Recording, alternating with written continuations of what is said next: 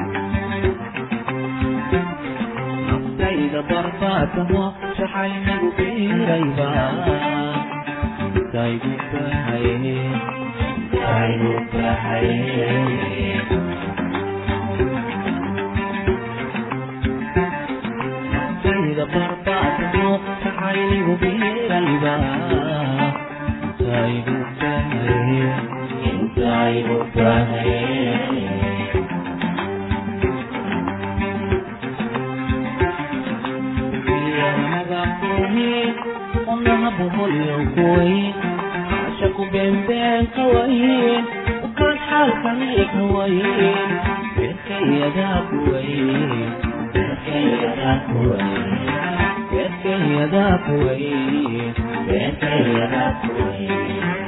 adigu weyne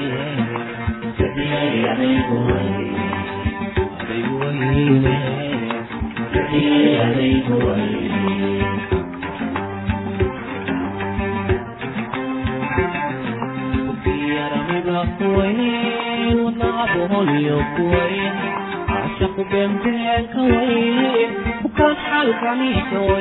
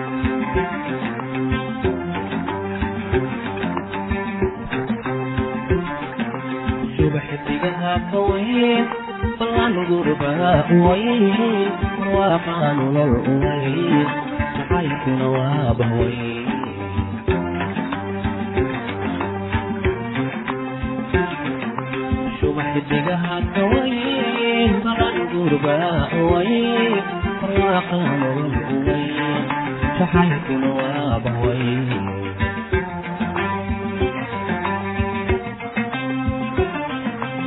لك خير وكحلم بيدك شيء أحد قبورها سوي أحد قبورها سوي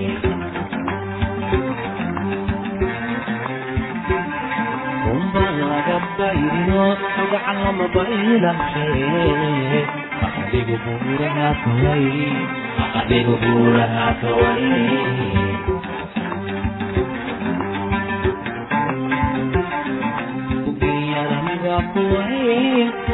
buhonyo kuwayn cashaqu beenbeenka wayn saad xaalkaayka wayn beerkayadaa kuwayn idiyayadaygu wayn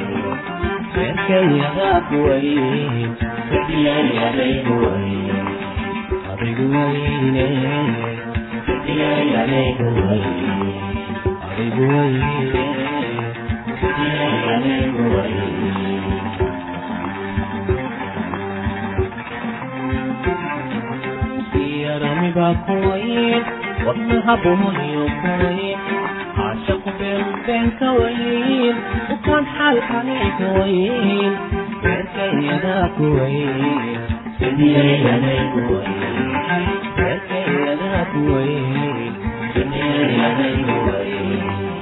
adigu wayne sidiyayaday kuwayn adigu wayne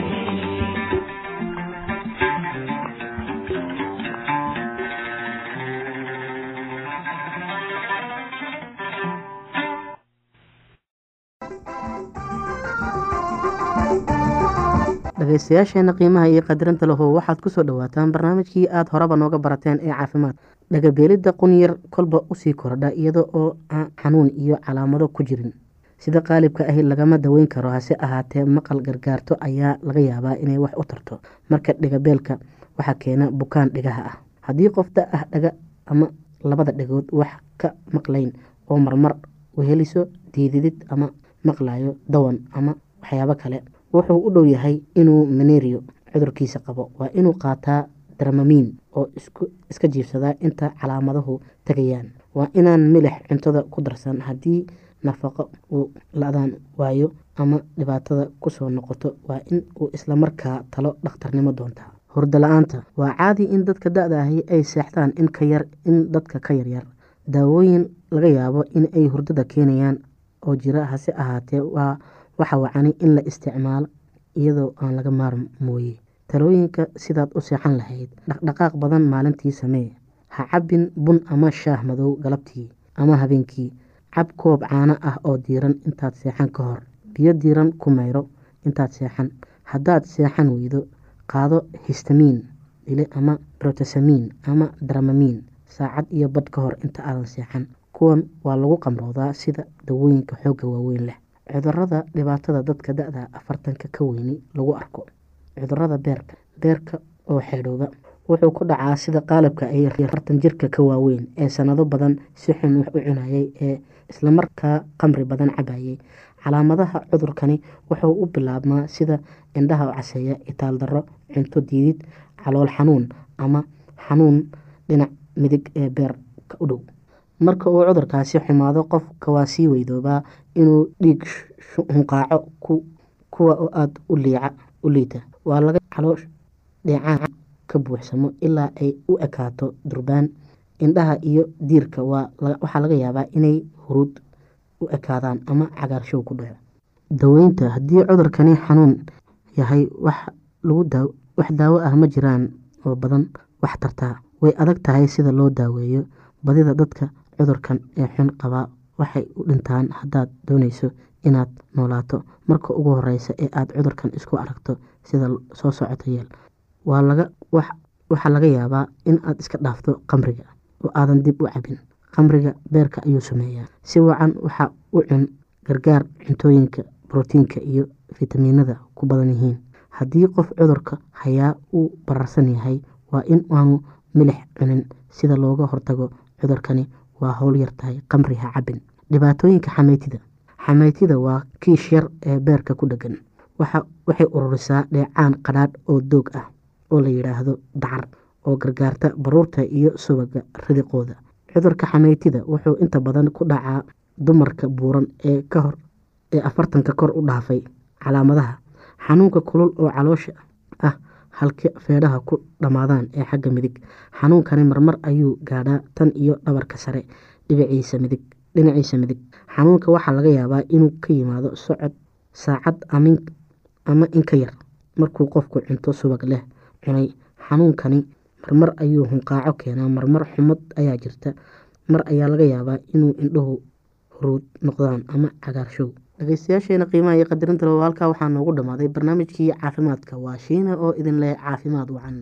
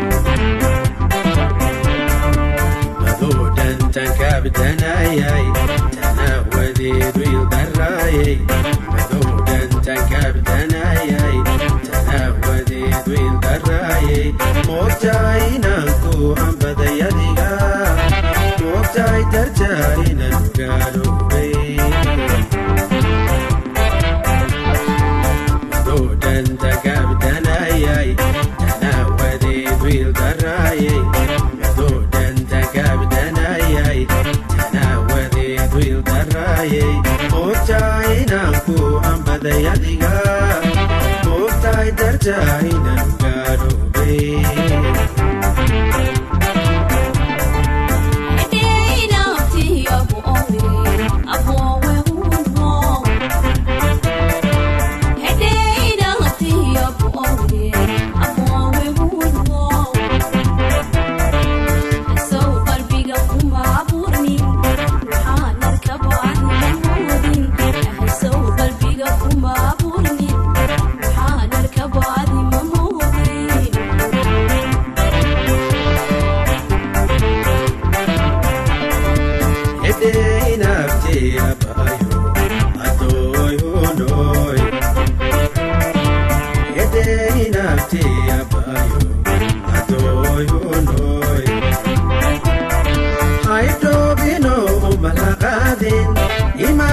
ilaahay ka ha ilmaynin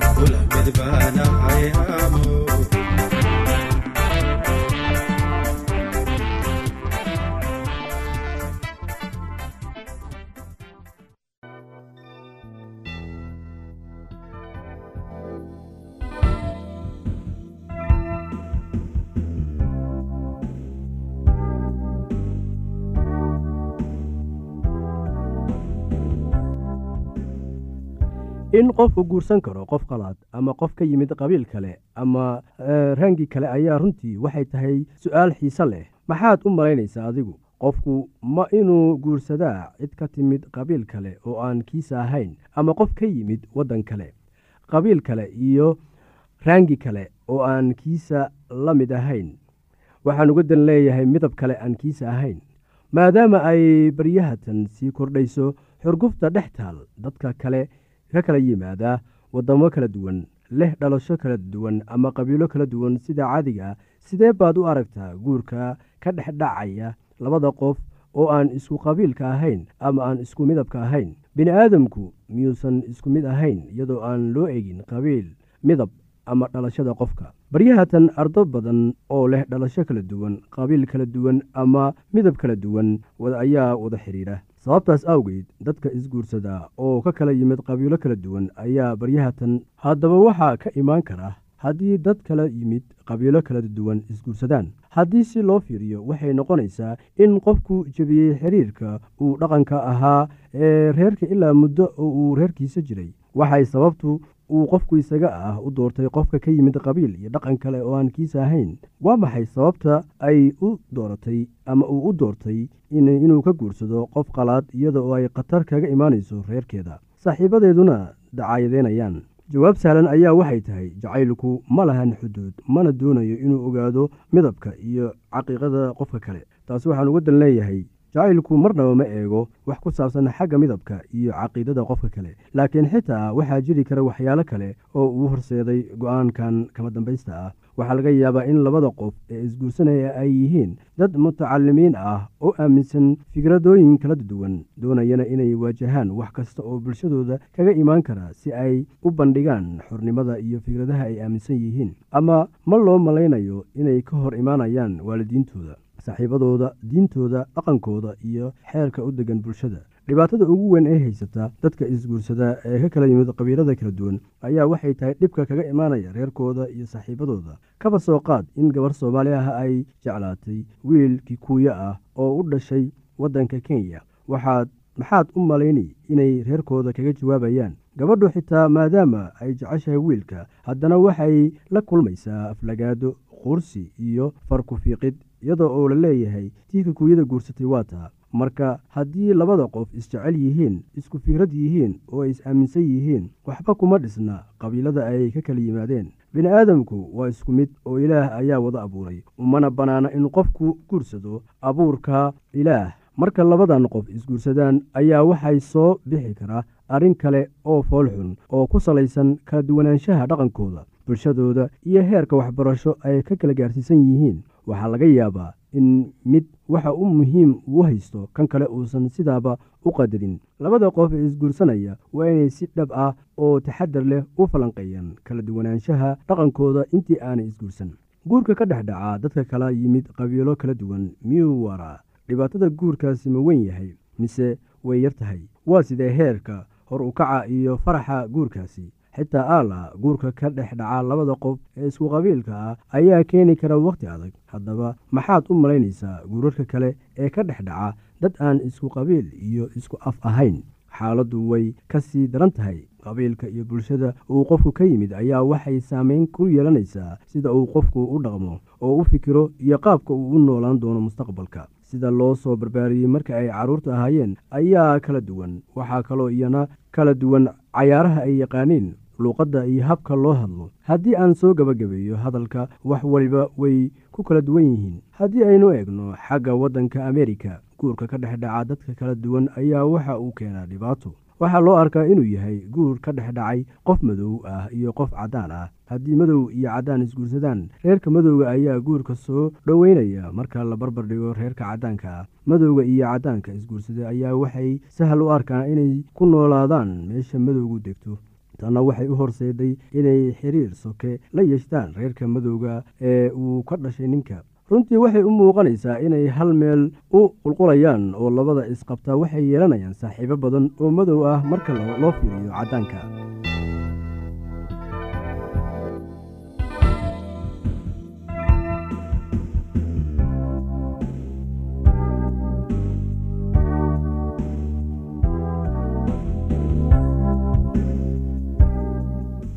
haddii aad qabto wax su'aalaha fadlan inala soo xiriir. Ciwaankeenna waa radio somaly at yahu dt com. Mar labaad ciwaankeenna waa radio somaly at yahu dt com. Barnaamijyadeena maanta waa naga intaas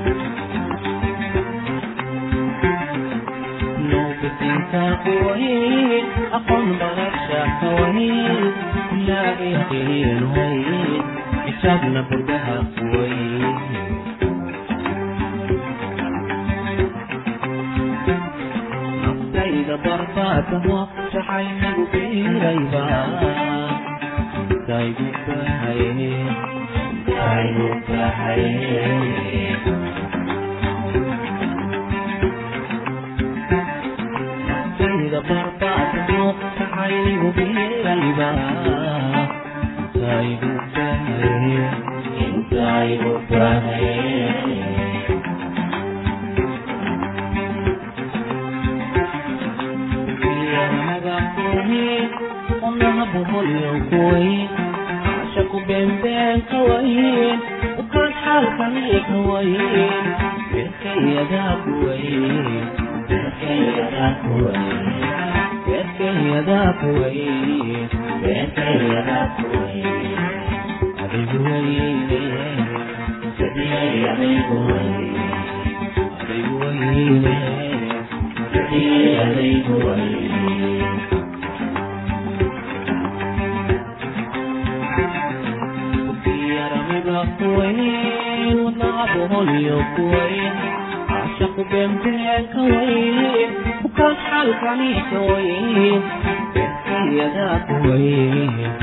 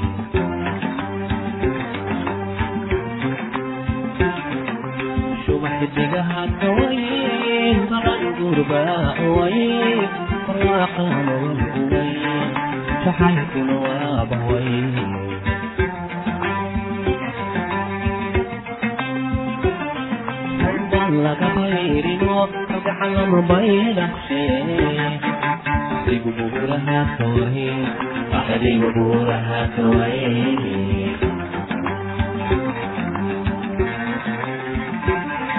umba laga bayrino kalgacalama baydhaqshe adigu buuraha kaway adigu buuraha kaway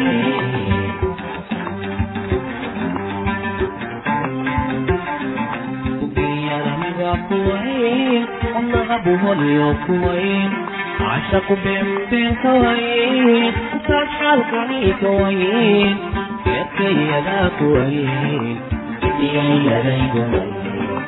beerkayadaa kuwayn beerkayadaygu wayn adigu wayne beerkayadaygu wayn adigu wayne beerkayadaygu wayn